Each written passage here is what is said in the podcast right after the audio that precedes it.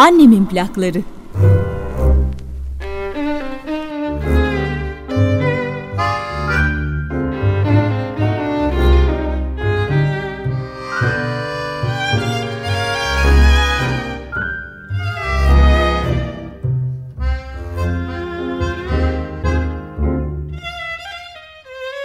Trenin hareket saati gelmişti. Bir memur vagon kapısını örtüyordu. Maria Puder merdiven basamağını atladı. Sonra bana eğilerek yavaş bir sesle fakat tane tane ''Şimdi ben gidiyorum. Fakat ne zaman çağırırsan gelirim.'' dedi. Evvela ne demek istediğini anlamadım. O da bir an durdu ve ilave etti. ''Nereye çağırırsan gelirim.'' Neden bilmiyorum bugün böyle selamlamak istedim sizleri. Sabahattin Ali'nin Kürk Mantolu Madonna isimli eserinden bir bölümdü bu. Kim bilir, belki bugünlerde kitabınızın altını çizdiğiniz bir bölümdür bu. Ha, bölüm demişken bugünkü annemin plaklarında yine radyo sineması olacak. Annemin plaklarının bir kısmını özellikle kısa ve sade olarak radyo sinemasına ayırıyorum biliyorsunuz. Daha ziyade 60'lı ve 70'li yılların Yeşilçam'ını ele alsak da bugün 1996 yılını bugüne getireceğiz. Yine biraz söz, biraz ses, biraz düşle annemin plakları dönecek. Aynı bizim gibi. Biz bugün de geçmişe döneceğiz. Ama gitmeyeceğiz. Sadece yönümüzü döneceğiz. Aramızdan bir kişi gönüllü oldu geçmişe gitmeye. Cümbür cemaat yollara düşmeyelim. Ne lazımsa birimiz gidip alıp getirsin dedik. Ben çıktım. Siz olduğunuz yerde kalın. Ben gidip getiririm. Ha, hatırladığınız ve özlediğiniz bir şeyler varsa onlara da söyleyin. Aradığım kadarıyla bulurum. Bulduğumu da getirmeye çalışırım. Bilmem fark ettiniz mi?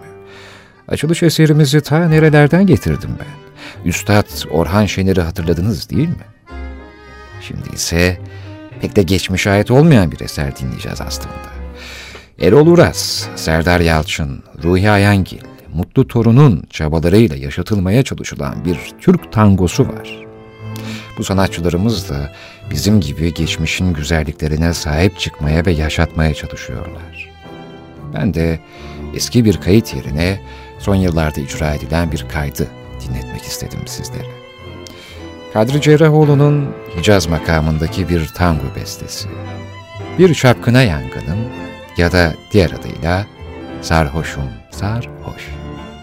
Şarkıyı ilk 1960'lı yıllarda Zehra Eren pila okumuştu. Hani o erkek sesli kadın. Ardından 1967 yılında Ertem Eğilmez'in Sürtün Kızı filminde de bu eseri duymuştuk. Hoş geldiniz, hoş bulduk.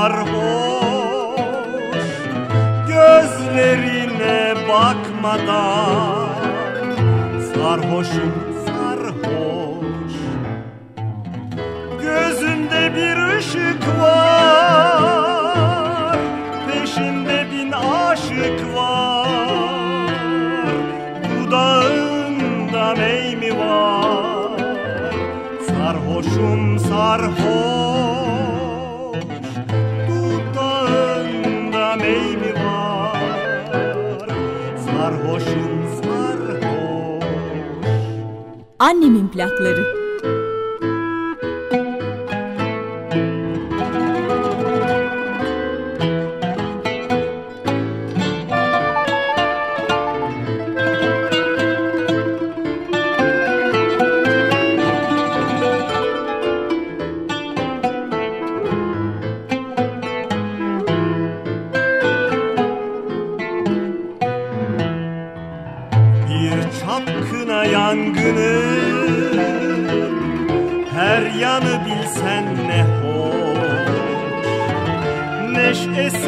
baygınım Sarhoşum sarhoş Neşesine baygınım Sarhoşum sarhoş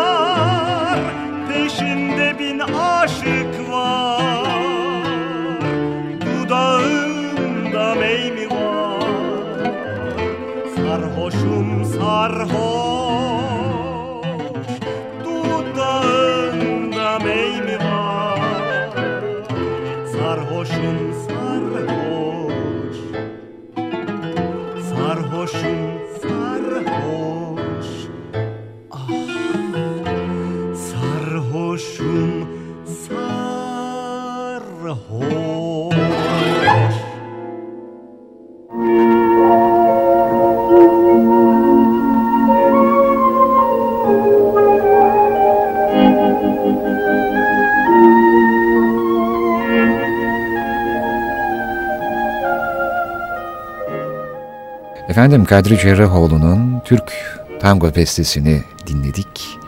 Ruhi Ayangil korosu günümüzde Türk tangosuna sahip çıkan nadir sanatçılardan oluşmuş bir koro demiştik. Ve onların yakın zamanda kaydettikleri bir eserdi bu. Aynı zamanda belki dinlerken hafızanızı da zorlamış olabilirsiniz. Bir yerlerden daha biliyoruz diye. Zehra Eren'i zaten söylemiştik 60'lı yıllar için ama günümüzde bir hanımefendi daha seslendiriyor. O da Dilek Türkan. Dilek Türkan birçok eseri zaten çok farklı seslendiriyor. İnce Saz grubu Türkiye'nin en iyi müzik topluluklarından bir tanesi ve dizi müziklerinden de onlara rastlamak mümkün oluyor. Keşke daha çok duyabilsek, keşke daha çok albüm yapabilseler. Ancak o kadar nakış nakış işliyorlar ki biz sabırla onların çalışmalarını bekliyoruz.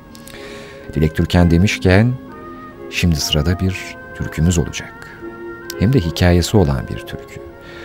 Diyeceksiniz ki hikayesi olan bir türkü diye mi bunu dinletmek istiyor? Hayır, ben bu türküyü zaten dinletmek istiyordum.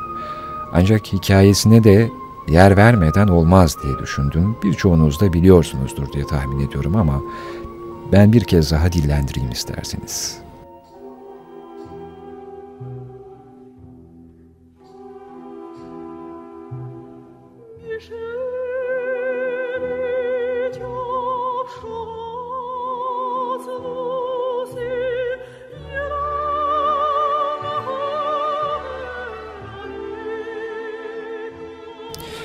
Efendim Diyarbakır'ın güneybatısında Dicle Nehri kenarında Kırklar Dağı vardır. Bu Kırklar Dağı'nın arkasında Kırklar ziyareti vardır. Çocuğu olmayanlar buraya gelip dilek dilerler. Bir Süryani zengin ailenin de hiç çocukları olmuyormuş. Kadın Kırklar ziyaretine gelip dilek dilemiş, adak adamış, bir kızı doğmuş. Adını Suzi yani Suzan koymuşlar. Her yıl doğum gününde annesi onu süsler, giydirir ve kırklara götürerek bir kurban kestirirmiş. Suzan böylesine bin nazlarla büyüyüp güzel bir genç kız olmuş. Müslüman komşularının oğlu Adil'le birbirlerine aşık olmuşlar. Yine bir doğum yıl dönümünde annesi Suzi'yi hizmetçilerle beraber kurbanını kesmek üzere Kırklar ziyaretine göndermiş. Arkalarından habersizce Adil de gelmiş. Hizmetçilerin kurban kesme telaşından yararlanan Suzi, Adil'le beraber dağın arkasına dolanmışlar ve orada sevgilerini paylaşmışlar. Kırklar ziyareti bu beraberliği bağışlamamış ve ziyaret Suzi'yi çarpmış. Kız on gözlü köprünün orada Dicle'de boğularak ölmüş. Suzi'nin ölümünden sonra Adil de aklını yitirmiş.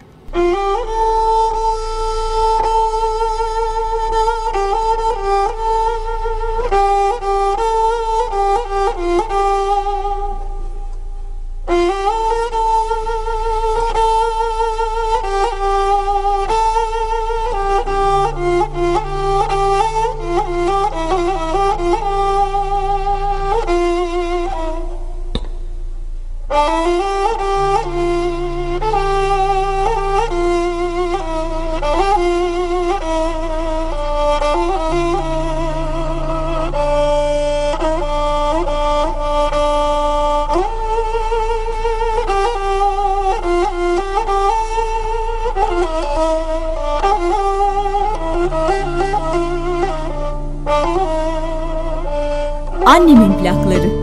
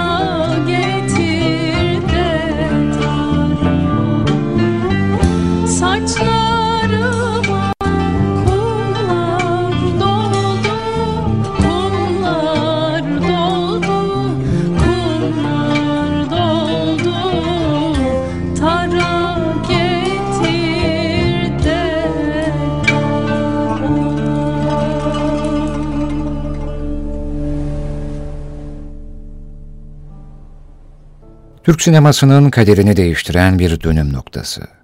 Yavuz Turgul'un Eşkıyası.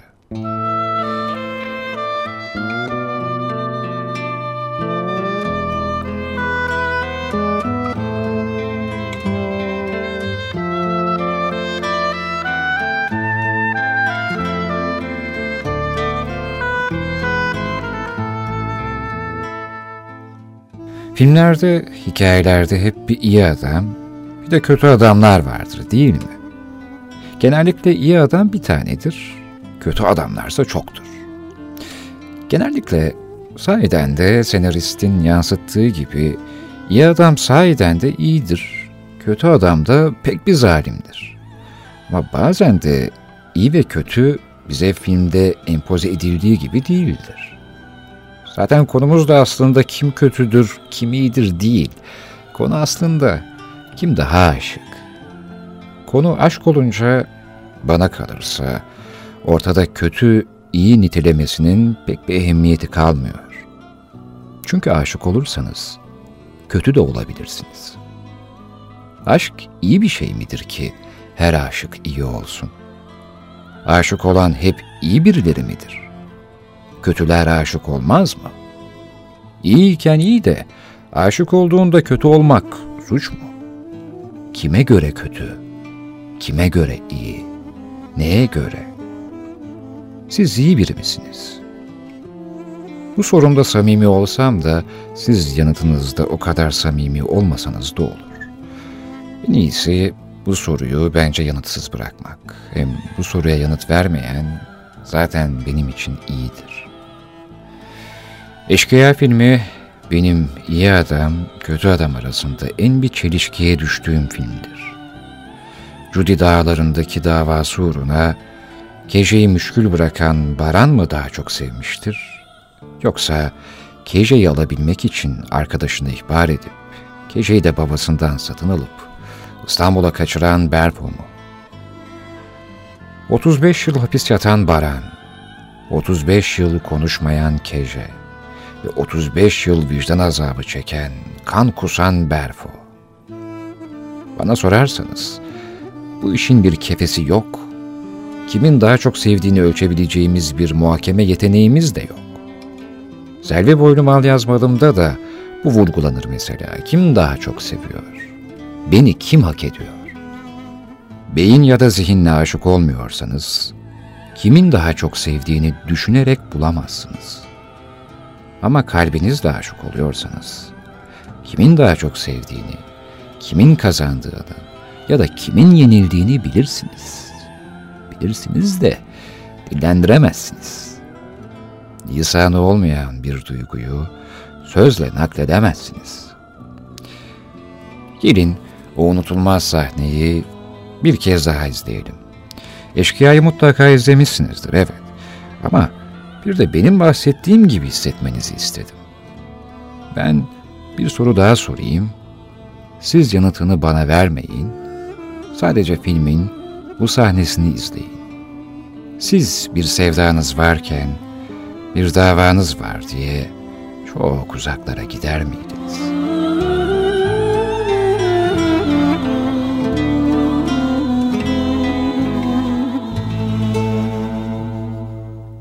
Adını değiştirmişsin Berfo. Adımı değiştirdim. Keje yaşıyor mu? Evet. Seninle mi? Evet. Bana niye ihanet ettin Berfo? İhanet ha. Demek sen benim yaptıklarıma ihanet diyorsun ha. Peki. Hey. Öyle olsun. Şimdi ben sana şöyle desem. Ben bunları yaptım. Çünkü aşıktım ben. Yani vurulmuştum. Ölüyordum aşkımdan. Bunun üzerine kim bana ne diyebilir ha? İhanet ne? Aşkım için yaptım ulan. Ahlaksızlık mı? Evet yaptım. Ben en yakın arkadaşımı seni jandarmaya ihbar etmiş adamım. Sen yapabilir miydin benim yaptığımı? Ha? En sevgili arkadaşına ihanet edebilir miydin? Onu jandarmaya ihbar edebilir miydin? Arkadaşının altınlarını çalabilir miydin? O altınlarla arkadaşının sevdiği kadını anasından babasından satın alabilir miydin? Arkadaşını ölüme gönderebilir miydin? Ama ben yaptım. Aşkım için. Şimdi söyle bana. Hangimizin aşkı geceye daha büyük ha? Hangimizin? Hangimiz gece için bu kadar günaha girmeyi göze alabildi? Bu aşk için ben cehennemde yanmaya hazırım. Ya sen?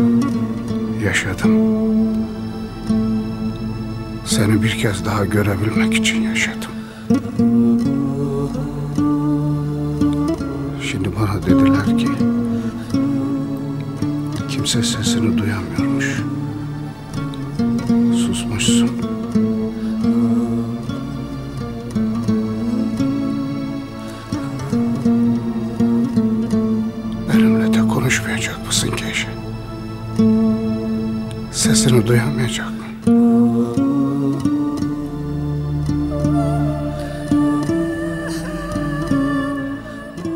Efendim sahnemiz böyleydi. Ama bilirsiniz ki Eşkıya filmi birçok şeyi anlatır. Öyle ki dostluğu da pek bir güzel anlatır. İhaneti anlatır. Merhameti anlatır. Adaleti anlatır. Aklıma Dustin Hoffman'la Steve McQueen'in romandan uyarlanan filmleri Kelebek geldi. O film de benim için dostluğu en iyi anlatan filmdi. Eşkıya da öyle. Şimdi de Cumali'nin vedasını ve Baran'ın bilgeliğini dinleyeceğiz. Cumali çatıda yaralı yatıyor ve o anın gelmesini bekliyordur. Baransa yine onu yalnız bırakmamıştır.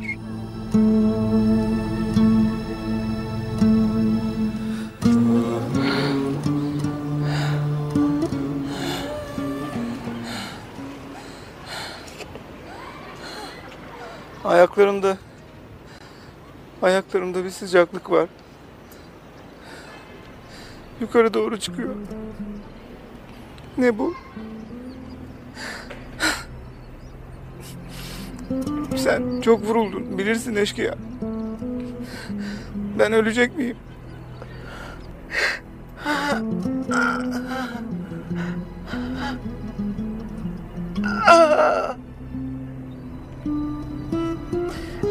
Cehenneme gideceğim değil mi?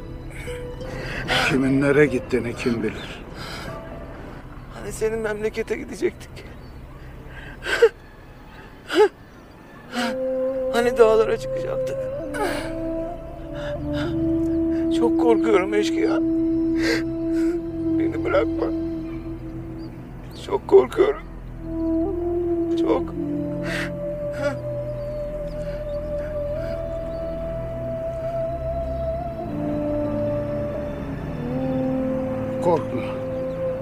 Sadece toprağa gideceksin. Sonra toprak olacaksın. Sonra sularla birlikte bir çiçeğin bedenine yürüyeceksin. Oradan özüne ulaşacaksın. Çiçeğin özüne bir arı konacak. Belki belki o arı ben olacağım.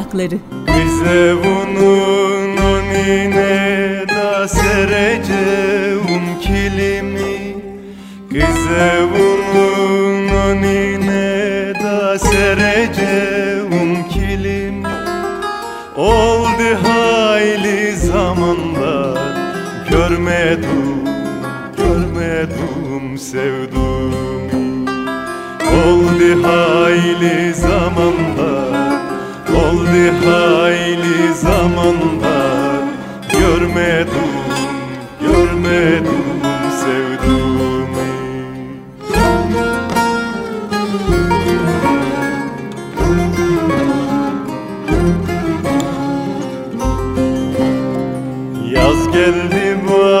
bahar geldi da açtı yeşil yapraklar.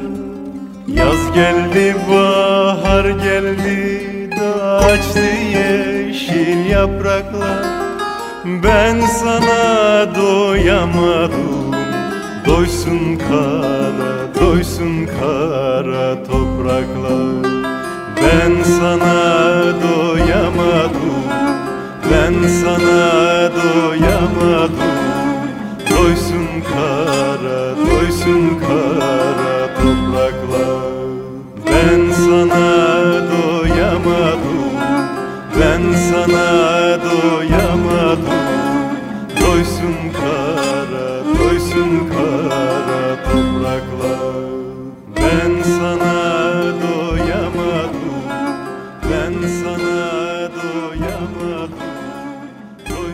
Eşkıya filminin müziklerini yapan Erkan Oğur'un İsmail Hakkı Demircioğlu'yla birlikte seslendirdikleri bir Karadeniz türküsüydü dinlediğimiz bugünkü anlattıklarımıza dinlediklerimizle müsemma bir eser.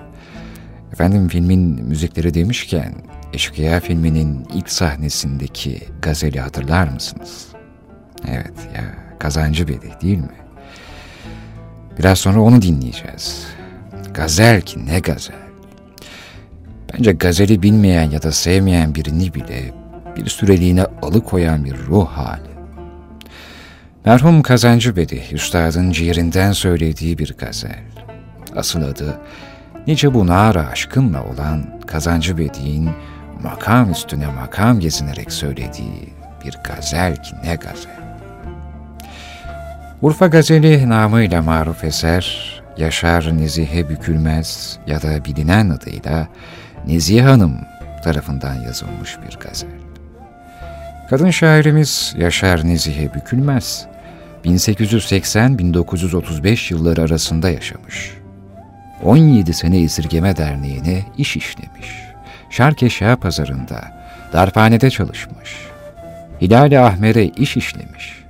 Savaş yıllarında komşuların mektuplarını yazmış, suni çiçekler satmış. Nezihe Hanım, babasının katı tutumu nedeniyle gizlice ancak bir yıl öğretim görebilmiş. Yoksullukla ve zorluklarla mücadele etmiş, devamlı çalışmış, ameli cemiyetine üye olmuş. Yaşar Nezihe Bükülmez, aynı zamanda şiirlerine el konulan ilk kadın şairimizdir. Nezihe Hanım, şarkılar da yazmıştır. Osmanlı Türkçesi ve Farsça yazdığı ve birazdan Kazancı Bedih'ten dinleyeceğimiz gazelin sözleri şöyle. Nice bu hasreti dildarla giryan olayım, yanayım ateş aşkınla büryan olayım. Görmedim gül yüzünü, ahu figan etmedeyim, korkarım haşre kadar böylece suzan olayım. Sevdiğim, rahmet et yeter, incitme artık kalbimi. Ger dilersen Yusuf Asa, ben de zindan olayım. Lütfiyim bülbül gibi, gülşende feryat eyledim.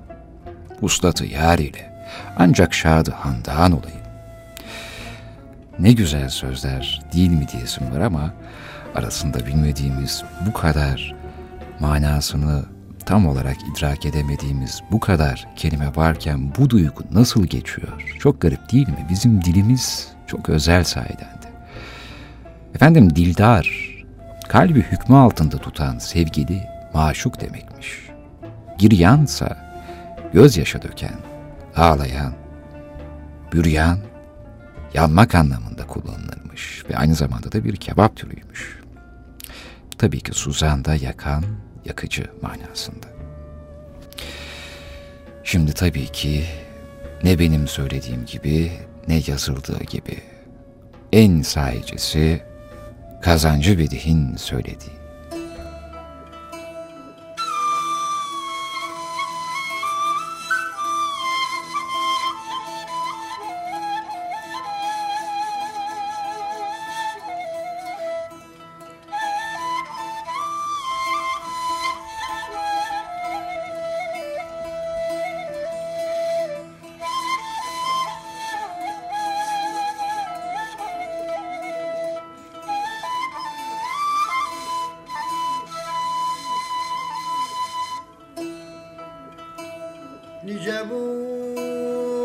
Siraj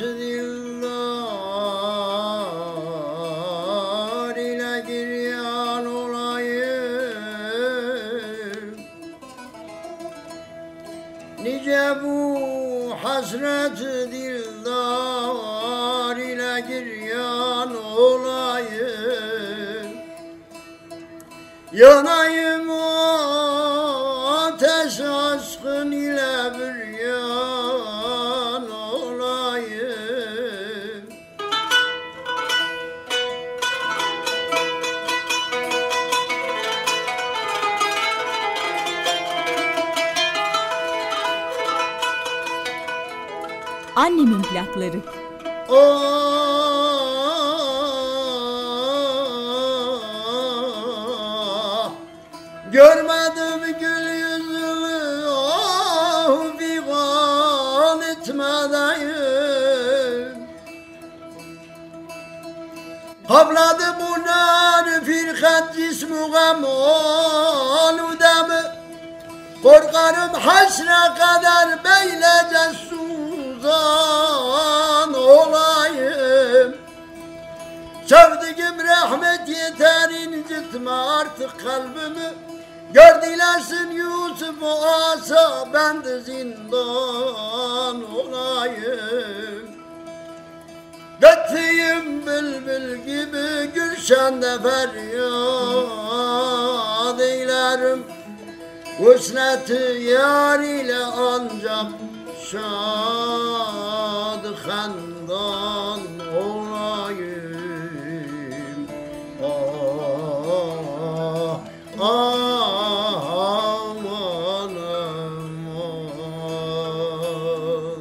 Annemin plakları.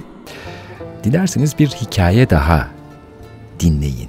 Yani dinlemek ister misiniz demek istedim daha doğrusu. Çünkü bu sefer ben anlatmayacağım. Bu sefer işi erbabına bırakacağım.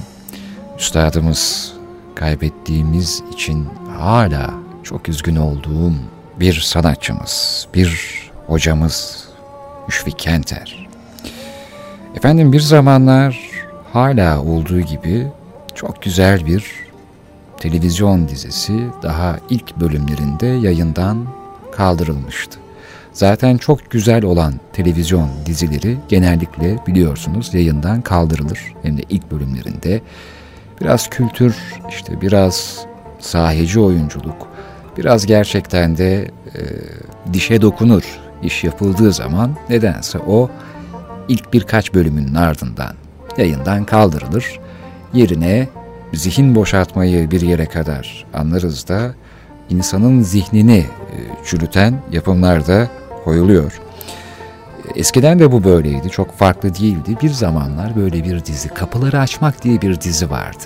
Hatırlar mısınız? Erkan Can da başrolünde oynuyordu. Maalesef bu dizi e, tutmadı diye ya da e, hedef kitle tam yakalanamadı diye bilmiyoruz artık. Yayından kaldırılmıştı. Ama ben bu diziyi unutmadım. Neden unutmadım? Bu dizinin benim için çok özel bir yeri vardı. Çünkü bu dizinin her bölümünün başlangıcında, jeneriğinde Müşfik Kenter hocamız bir hikaye anlatırdı. Üstelik bu hikaye bir Ebruzi'nin, Ebru sanatçısının hikayeyi anlatan tasvirlerini icra ettiği anda hocamız tarafından seslendirilirdi ve çok duygusal bir bütünlük oluşurdu. Dolayısıyla ben de Kapıları Açmak dizisinin her yeni bölümünü merakla beklerdim. Müşfik Kenter bu sefer nasıl bir hikaye anlatacak? O hikayeyi anlatırken Ebruzen neler çizecek, nasıl desenler ortaya koyacak diye. Aradan uzun zaman geçti ben diyeyim 15, siz deyin 10 sene. Ancak hatırlamanın zamanıdır. Hem Müşfik Kenter'i bir anmış oluruz. Hikayemizin ismi Birlikte Ayrılık. Bakalım birlikte olduğu halde mutlu olamayanların sırrı neymiş? Birbirlerine delicesine aşık olan prenses ve prens dillere destan bir düğünle evlenirler. Ancak daha aradan bir ay geçmeden aşkın yerini fırtına alır. Karı koca sık sık kavga etmeye başlarlar. Kral araştırma yaptırır ama bir türlü işin sırrını çözemez. Bu arada prenses de prens bu sırrın düşmanlar tarafından fark edilmemesi için resmi davetlerde mutlu karı koca rolü oynarlar. Baş başa kaldıkları zamansa birbirlerine karşı nefretle konuşmaya ve davranmaya devam ederler. Sonunda kral sarayın akıllı kadınlarını görevlendirerek o büyük aşkın nasıl yok olduğunu öğrenmek ister. Kadınlardan biri der ki, bunun için araştırma yapmaya gerek yok kralım. Neden? İkisi de aslında başkasına aşık. Kral şaşkın gözlerle bakınırken kadın açıklamasına devam eder. Onlar toy ve samimiydiler. Birbirlerini delice sevdiklerini sanıyorlardı. Oysa her biri sadece kendisini seviyor, ötekini ise istiyordu. Bu yüzden birlikte oldular ama asla bir olamadılar.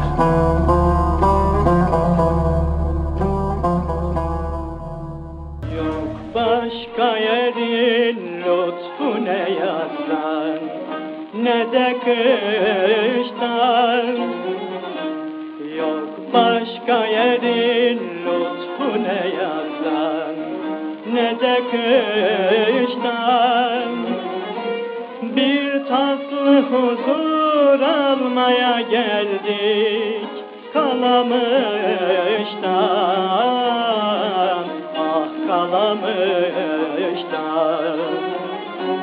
Yok zerre teselli ne gülüşten ne bakıştan.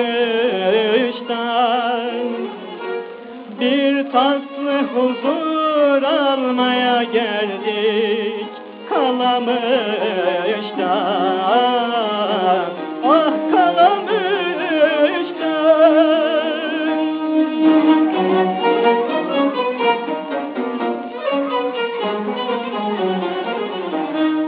Annemin plakları. İstanbul'u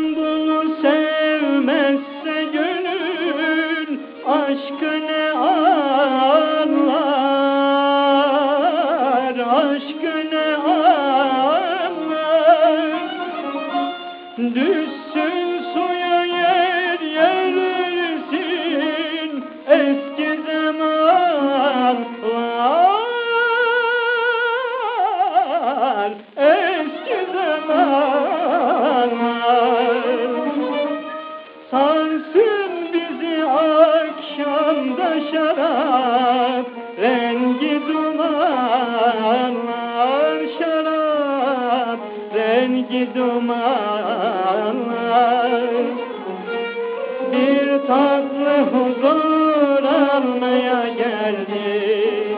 Kalamışlar